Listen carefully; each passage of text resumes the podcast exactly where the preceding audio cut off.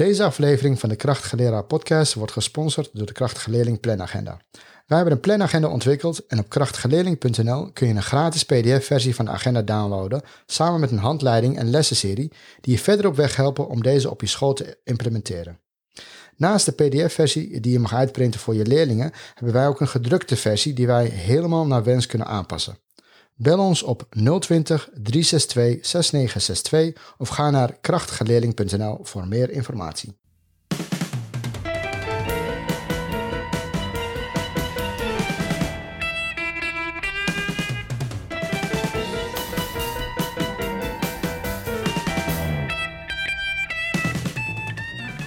Uh, welkom bij de Krachtige Leraar Podcast, de podcast die leraren helpt hun superkrachten te ontwikkelen. Ik ben meester Moment. En ik ben Josina.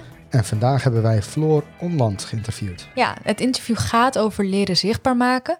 Floor is een leraar in basisonderwijs en daarnaast biedt ze workshops aan uh, voor leraren en docenten over leren zichtbaar maken. Ja, het was echt een heel interessant gesprek. Als je meer informatie wilt of in contact met haar wil komen, uh, nou hebben we een link in de show notes voor haar LinkedIn. En um, veel plezier allemaal. Veel plezier. Doeg.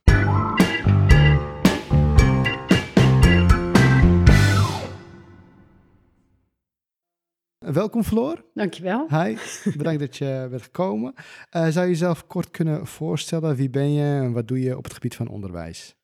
Ja, hi. Um, ik ben Floor Onland en um, ik ben leerkracht, eigenlijk basisschool, basisschoolleerkracht, uh, sinds 2006. En sinds 2013 werk ik in de kopklas en dat is een tussenjaar voor leerlingen met een taalachterstand. Die stromen na groep 8 in en na een jaar uh, ondergedompeld in de Nederlandse taal stromen ze door naar klas 1 van het voortgezet onderwijs. Nou, je zit al een tijdje in het onderwijs. Ja. Um, ik kan me voorstellen dat je nu al meer weet wat je idealen zijn met betrekking tot het onderwijs. En kan je ons vertellen wat, dit, wat deze zijn voor jou? Ja, in, in het begin van mijn uh, schoolcarrière was ik vooral bezig met lesgeven en goede lessen maken en uh, dat goed overbrengen op de leerlingen. Nou, dat uh, orde houden natuurlijk nou, de, de basisdingen om een les te geven. En drie jaar geleden ben ik met mijn collega's naar een congres van John Hattie geweest, een, een uh, Australische goeroe op het gebied van onderwijs. En daar werd gezegd op een gegeven moment door hem van leer, leerlingen hebben recht op maximale groei en op best mogelijke onderwijs. En hoe krijg je dat voor elkaar? Door je als leerkracht af te vragen, weet ik wat mijn impact is op het leren bij kinderen? Know thy impact, zegt hij. En uh, ja, ik realiseerde me eigenlijk dat ik zijn visie heel mooi vind. En dat omarm ik aan alle kanten. Uh, dus recht, leerlingen hebben gewoon recht op goed onderwijs en een maximale groei. Dus ik was wel benieuwd wat voor impact ik dan heb op leerlingen. Want ik draaide tot dan, uh, ja, we deden onze lessen zoals we ze deden. En ik stond niet zo heel bewust stil bij, achteraf bijvoorbeeld, van ging dit goed, zou dit beter kunnen? Wat hebben ze daar eigenlijk van opgestoken? En uh, ja, dat, dat, uh, daar ben ik benieuwd naar geworden. Jonetti heeft een onderzoek gedaan, uh, eigenlijk een, uh, een heleboel onderzoeken. Hij heeft echt duizenden analyses, meta-analyses gemaakt op zoek naar die aspecten binnen het onderwijs die een extra impact op leren hebben. Ehm, het blijkt dat leerkrachten niet zo snel iets echt een, nou, een negatieve invloed kunnen hebben op leren, maar wel een nou, enige invloed, maar ook een ontzettende invloed. En die aspecten zijn echt uh, opmerkelijk als je ze in een schema zou zien. Maar um, het blijkt dat dingen die enige invloed hebben op leren te maken hebben met zaken, voorwaarden in de klas, voorwaarden om les te kunnen geven. En dan heb je het bijvoorbeeld over verkleinde klassen of differentiëren of ingaan op leerstijlen van leerlingen of de vakkennis van de, uh, van de leerkracht. Op zitten blijven. Nou, zitten blijven heeft echt een negatief effect op leren, blijkt. Um, het zijn allemaal dingen die we, van, die we kunnen besluiten van nou, dit gaan we zo doen. En dan helpt dat in het lesgeven. Nou, het is helemaal niet erg, maar als je dat doet en daarover nadenkt, maar wat John Hattie stelt, is als je nu eens naar die zaken gaat kijken die heel veel impact hebben op leren en die erbij doet, dan uh, wordt de impact groot. En, nou, en dat zijn zaken die veel meer te maken hebben met leren, veel meer dan lesgeven. Dus het leren, leren over leren, uh, wordt er geleerd, dat soort vragen en daarop ingaan. John Hattie is vooral bekend inderdaad voor het leren zichtbaar maken. Ook het, uh, het boek, uh, bekende boek Leren zichtbaar maken. Ja. Um, zou je ons kunnen vertellen wat het precies is, leren zichtbaar maken? Ja, uh, nou de, de titel op zich, het, het leren, staat voor plaats leren boven het lesgeven. Dus focus meer op, wordt er geleerd? Ben ik zodanig bezig dat het ook echt aankomt? meer dan hoe gaat mijn les? Even kort door de bocht. Dat is het deel leren. En het zichtbaar maken is dat je als leerkracht een manier moet vinden met de leerlingen, zodat ze ook kunnen aantonen van kijk, ik groei. En zodat een leerkracht ook kan aantonen naar zichzelf van kijk, ik toon genoeg groei aan bij leerlingen. Ik ben lekker bezig. Of ik toon nog niet genoeg groei. Hoe kan ik het anders aanpakken waardoor het beter gaat? Wat heeft die leerling nog nodig? Uh, waardoor die groei er wel komt dat is eigenlijk het leren zichtbaar maken. Dus uh, aantonen dat er geleerd wordt. En daarmee kun je voor jezelf als leerkracht je impact eigenlijk vaststellen. En leren zichtbaar maken is een heel breed begrip. Ja. Um, waar bestaat, wat zijn concrete aspecten uh, die horen bij het leren zichtbaar maken? En hoe kan je deze effectief inzetten in de klas? Nou, de, de aspecten die wij in de kopklas uh, toepassen, hebben te maken met. Uh, een heel groot deel heeft te maken met beoordelingsbekwaam maken van de leerling. Daarbij komt metacognitie om de hoek kijken, uh, de growth mindset, uh, leren over je leren. En dat is ook echt iets wat je leerlingen moet aanleren, want dat kunnen ze helemaal niet. Dat is ook best heel moeilijk. Heel veel volwassenen kunnen ook niet naar hun eigen handelen of denken kijken. Daar wordt veel aandacht aan besteed. Van wat ben ik eigenlijk aan het doen en heeft het zin? Dus zoals ik dat als leerkracht doe, leer ik dat mijn leerlingen ook. Ben ik lekker bezig? Een aspect dat daarbij hoort is uh, formatieve evaluatie. En dat is, uh, heeft alles te maken met feedback. Feedback op, uh, ja, je kunt op allerlei manieren feedback geven. Dat is een heel breed onderwerp. Maar uiteindelijk gaat het erom dat de leerling, dat jij feedback haalt bij de leerling om te zien of er geleerd wordt. Bijvoorbeeld kun je dat doen door leerlingen met elkaar een praatje te laten houden over een bepaald aspect in de les. En jij luistert en je constateert, oké, okay, zij begrijpen het. Ik heb het goed uitgelegd. Als je merkt dat ze het niet begrijpen, weet je zelf, oh, ik moet dus nog een keertje uitleggen of op een andere manier uitleggen of ze nog wat oefenmateriaal geven. Formatief leren heeft uh, niet een einddoel in de zin dat je zegt van nou, ik heb dit les gegeven en uh, nu heb je een toets en dan heb je een drie of een acht of een tien en dan gaan we naar het volgende onderwerp. Maar formatief leren zit hem veel meer in een, een proces liefst zonder cijfers, maar um, een proces waar leerlingen zich kunnen vergelijken met zichzelf aan de hand van bijvoorbeeld vorige geschreven teksten en kunnen zien van kijk, nu gebruik ik wel hoofdletters of nu maak ik wel alinea's. En steeds een stapje erbij. En van wat kun je een volgende keer nog meer doen om het nog beter te maken. Dat is formatief evalueren. Je kunt dus als leerkracht ook heel goed zien aan teksten bijvoorbeeld. Uh, van nou, er, er zit helemaal geen verbetering in. En dan ga je daarover het gesprek aan.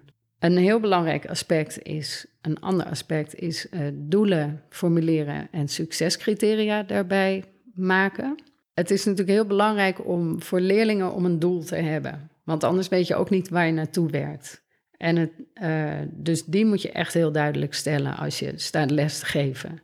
En ik maak ook echt vaak in de klas mee dat leerlingen zeggen van... wat is hier het doel dan van? Waarom moeten we dit doen? Nou, je moet echt zorgen dat je daar een antwoord op hebt. Want anders ja, sta je eigenlijk misschien uh, iets te doen waar niemand wat aan heeft. Nee. wat heel belangrijk is bij doelen stellen, is de succescriteria. Uh, wat moet ik kunnen om mijn doel te bereiken? Een heel simpel voorbeeld daarvan is uh, het, bijvoorbeeld bij kleuters het tekenen van een uh, stoomboot van Sinterklaas, om maar even in het thema te blijven. nou, je gaat een stoomboot van Sinterklaas tekenen, dat kan iedereen en dan krijg je al honderd verschillende boten. Maar uh, zo'n stoomboot heeft kenmerken. En die ga je bepalen met de leerlingen. Wat moet een stoomboot van Sinterklaas nou echt hebben om een stoomboot van Sinterklaas te zijn? Nou, dan heb je een voorbeeld, kan een goed voorbeeld zijn of een slecht voorbeeld. En dan gaan ze het opnoemen: vlaggetjes, uh, van die ronde raampjes, een, twee masten, stoom uit de boot, pakjes overal, noem maar op. En daarmee maak je dat leerlingen heel gefocust aan het tekenen gaan. En dus ook al die aspecten ook hebben. En sommigen niet. Maar dan kunnen ze weer kijken van oké, heb ik mijn vlaggetjes? Heb ik mijn cadeautje?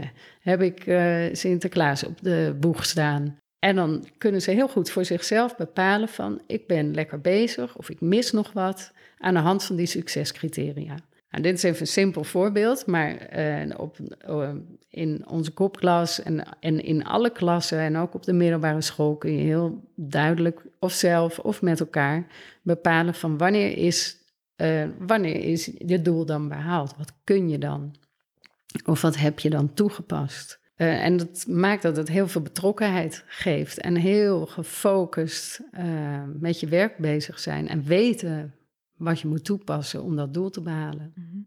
Want je zei, je noemde kort dat cijfers geven daar dan dus niet eh, bij hoort. Bij het leren zichtbaar maken dat dat eigenlijk minder effectief is. En ik kan zelf denk ik al een beetje die link leggen hoe dat dan komt. Maar zou je dat misschien nog kort kunnen hm. vertellen? Waarom is zeg maar uh, het geven van feedback en het bepalen van die succescriteria waardevoller dan het geven van een cijfer? Ja, ik, ik, jij kreeg zelf misschien vroeger ook wel cijfers. En dan ja, had ik een, Ja, nou ja, vreselijk. Ja, ja ik, ik kan er helemaal niks meer mee. Maar wat bij mij gebeurde vroeger, dan had ik een proefwerk en dan had ik een 8 en, of een uh, 6, het maakt helemaal niet uit, want wat zegt het nou helemaal? Mm -hmm. In ieder geval verdween dat proefwerk in mijn tas en ik keek er niet meer naar. Als je stopt met cijfers geven, uh, gebeuren er hele mooie dingen. Want dan uh, maak je eigenlijk dat leerlingen zelf gaan bepalen wat ze nou van het resultaat vinden. Voor de een is een 8 misschien heel goed, maar voor degene die altijd 10 haalt, is een 8 waardeloos. En op die manier kijken ze veel meer naar hun eigen prestatie en kunnen ze ook werkelijk leren om trots te zijn. Want als je altijd tienen haalt voor uh, woordjes, ja, dan weet je op een gegeven moment wel, ik kan dit, uh, ik kan dit wel, ik kan wel stampen, ik kan wel leren. Terwijl degene die een tien haalt, die echt van een drie is gekomen en opeens heeft, in de gaten heeft gekregen hoe die dat dan voor elkaar moet krijgen, daarvoor is die tien veel waardevoller. Dus er worden natuurlijk nog hartstikke veel cijfers gegeven in het onderwijs. En dat is ook prima. Als, maar het zou mooi zijn als leerlingen zich bewust zijn van wat dat cijfer dan inhoudt. Of als het dan een acht is, dat ze zich afvragen: wat moet ik nou doen om die tien te halen? Dus heel erg concreet maken van wat ging er goed en wat kon er beter. Exact, ja. En niet stoppen als je dat cijfer, want dat gebeurt er vaak als er cijfers worden gegeven er wordt gewoon gestopt met leren. Je stopt het in je tas en uh, op naar het volgende hoofdstuk. En dat, daar, daar mis je echt een hele hoop uh, leermomenten. Mm -hmm. uh, je had het er net over uh, beoordelingsbekwaamheid. Ehm, hoe maak jij de leerlingen beoordelingsbekwaam? Dat is heel leuk, heel groot ook weer. in eerste instantie beginnen we eigenlijk altijd met het laten inzien bij leerlingen dat ze kunnen groeien. Uh, de meeste leerlingen denken van nou, ik heb een IQ van puntje, puntje en dat is het dan. En komen ook vaak met ja, maar dit kan ik helemaal niet of uh, dit is veel te moeilijk voor mij. Nou, het eerste waar ik mee begin is te zeggen, nou, dit kan jij nog niet.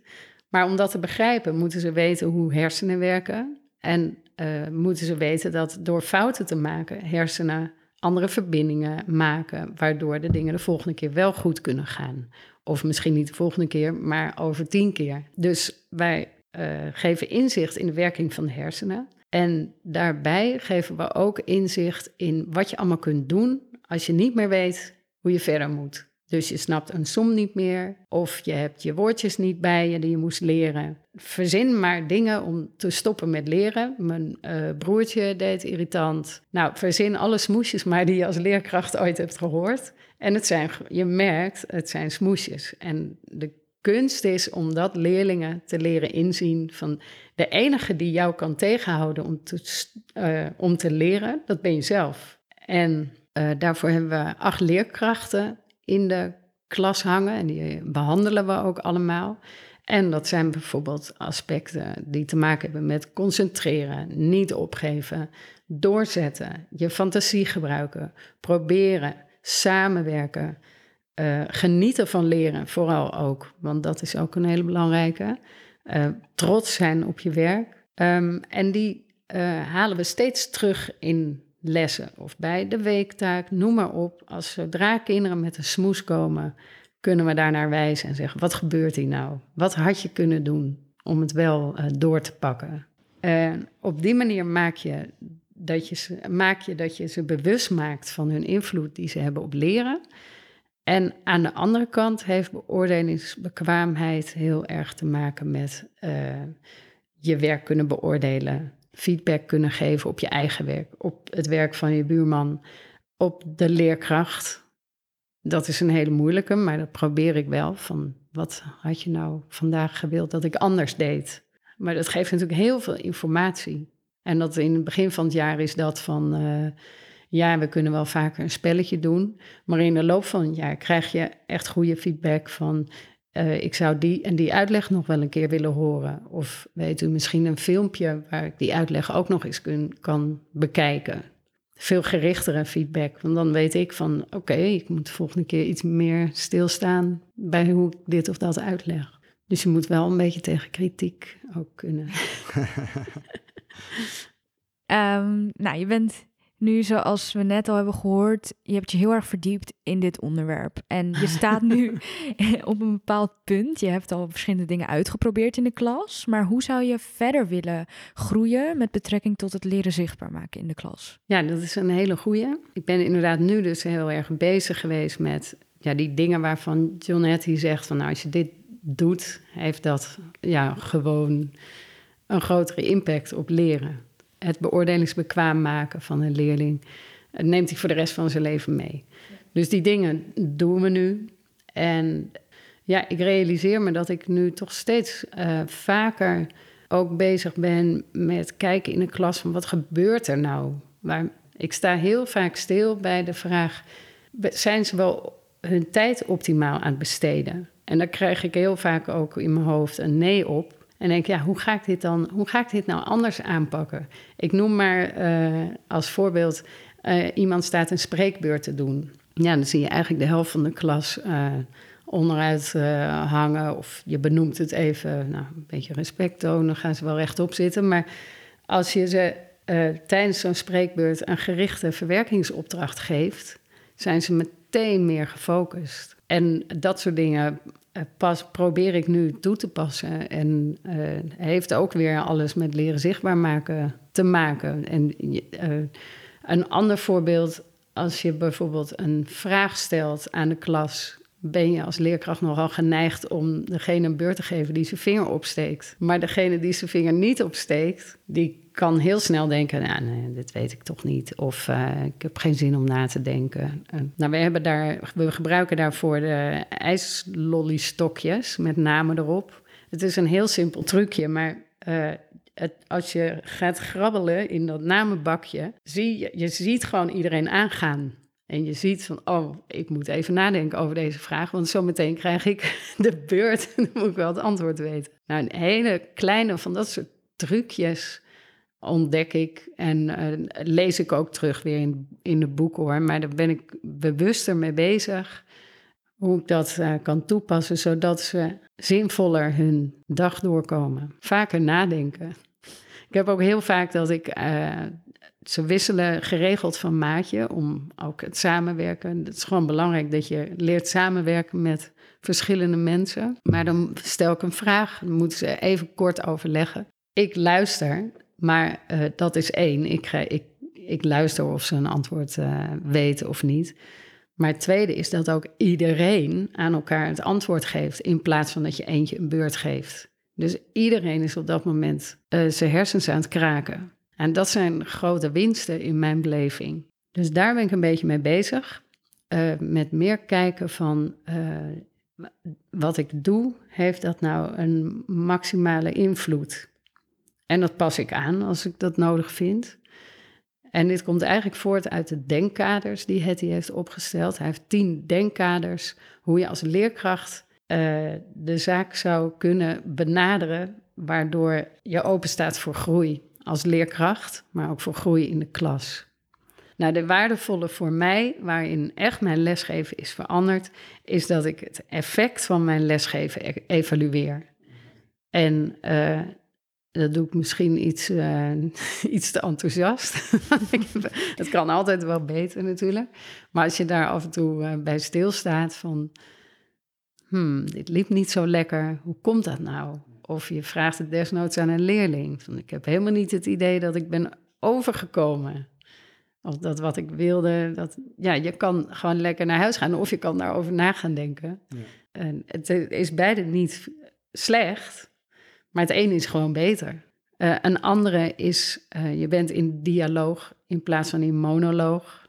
Als leerkracht wil je nogal graag praten. En uh, terwijl leerlingen superveel weten. En je eigenlijk ja, alleen maar hintjes hoeft te geven. En er is wel weer een leerling die al iets weet van een onderwerp. Of ja, het, is meer, het zijn meer één-tweetjes dan dat ik aan één stuk door sta te praten. Ja. In de hoop dat ze me horen. Ja, en wat een, ook een hele belangrijke is, dat je als iets niet gelukt is of als iets niet is overgekomen, dat je dat aan jezelf toeschrijft en niet aan een leerling die nooit zijn huiswerk maakt of wat dan ook. Maar dat je het gevoel hebt van oké, ik ben hier de verantwoordelijke, ik kan hier misschien iets aan veranderen. En dat geeft een gevoel van uh, ik kan nog iets anders proberen. In plaats van, ja, maar die doet het toch niet of die kan het toch niet. Dus je vergroot je impact eigenlijk. Eigenlijk wel, ja. ja, ja, ja dat is wel de bedoeling. Ja, maar het leuke is ook dat als, het succes, als iets succesvol is, of als je die groei dan ziet bij een leerling, dat je ook kan denken van, nou, dat heb ik. Uh, natuurlijk heeft die leerling het gedaan, maar ik heb die ruimte gegeven en ik heb gezorgd dat ze naar hun werk kijken en erboven gaan hangen. En ja, daar mag je dan ook trots op zijn. En er zijn ook gelukkig meer dan genoeg momenten eh, dat ik dat gevoel heb van, oh. Of ja, die oh in de klas. Oh, ja. hier wordt geleerd. Um, welke tip zou je de luisteraars meegeven als zij ook meer willen doen met het leren zichtbaar maken in de klas? Nou, lees het, uh, lees het boek lees het boek Formatieve Assessment van Shirley Clark bijvoorbeeld. Of het uh, leren zichtbaar maken van John Hattie. Uh, verdiep je in die manier van werken in de klas. En voor, om te beginnen zou je jezelf eens in de klas misschien iets vaker kunnen afvragen van besteed ik, besteed ik deze lestijd van die kinderen optimaal? Wordt er geleerd of kan het beter? En wat kan ik daar dan aan doen? Ja, dus wees je bewust van je impact op leren. Je kunt je lesje afdraaien of je kunt denken, na dat lesje of voor dat lesje ga ik bereiken wat ik wil bereiken. En is er misschien een andere manier waarop dat veel beter gaat lukken. En hoef je in eerste instantie nog niet eens iets uh, verder mee te doen. Maar het bewust worden is volgens mij wel een hele belangrijke. En dat je ook zin krijgt om iets beter te doen. En je doet het goed, maar het kan altijd beter. Ja, en ik zeg vaak tegen leerlingen die dan toch nog wel het idee hebben van, oh, ik heb het fout gedaan en ik kan het niet. Ik zeg altijd tegen ze van, als jij iets nog niet kan, dan is het mijn taak om daarvoor te zorgen dat je dat wel kan op een gegeven moment. Dus ik leg de bal echt bij mezelf. Dat vertel ik ze ook van, ik ben hier om jou dat te leren. Dus ga je niet zitten schamen omdat je iets nog niet kan. Dan moet je naar mij toe komen en dan mag je naar mij wijzen.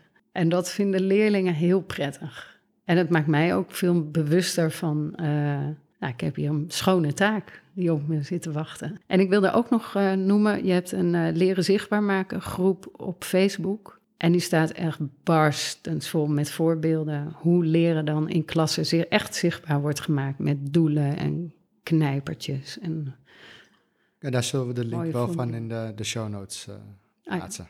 Nou weet ik toevallig dat je ook een eigen bedrijf hebt waar je workshops eh, aanbiedt eh, over dit onderwerp. En misschien zijn mensen daarin geïnteresseerd of hebben misschien nog een vraag naar aanleiding van dit interview.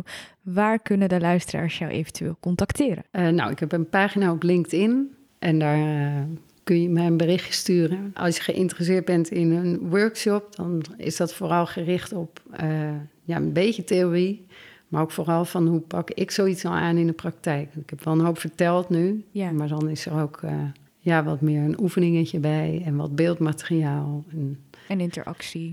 Zeker weten. nou, dan Ja. zetten we je LinkedIn-pagina ook op de website, dus de luisteraars kunnen het vinden.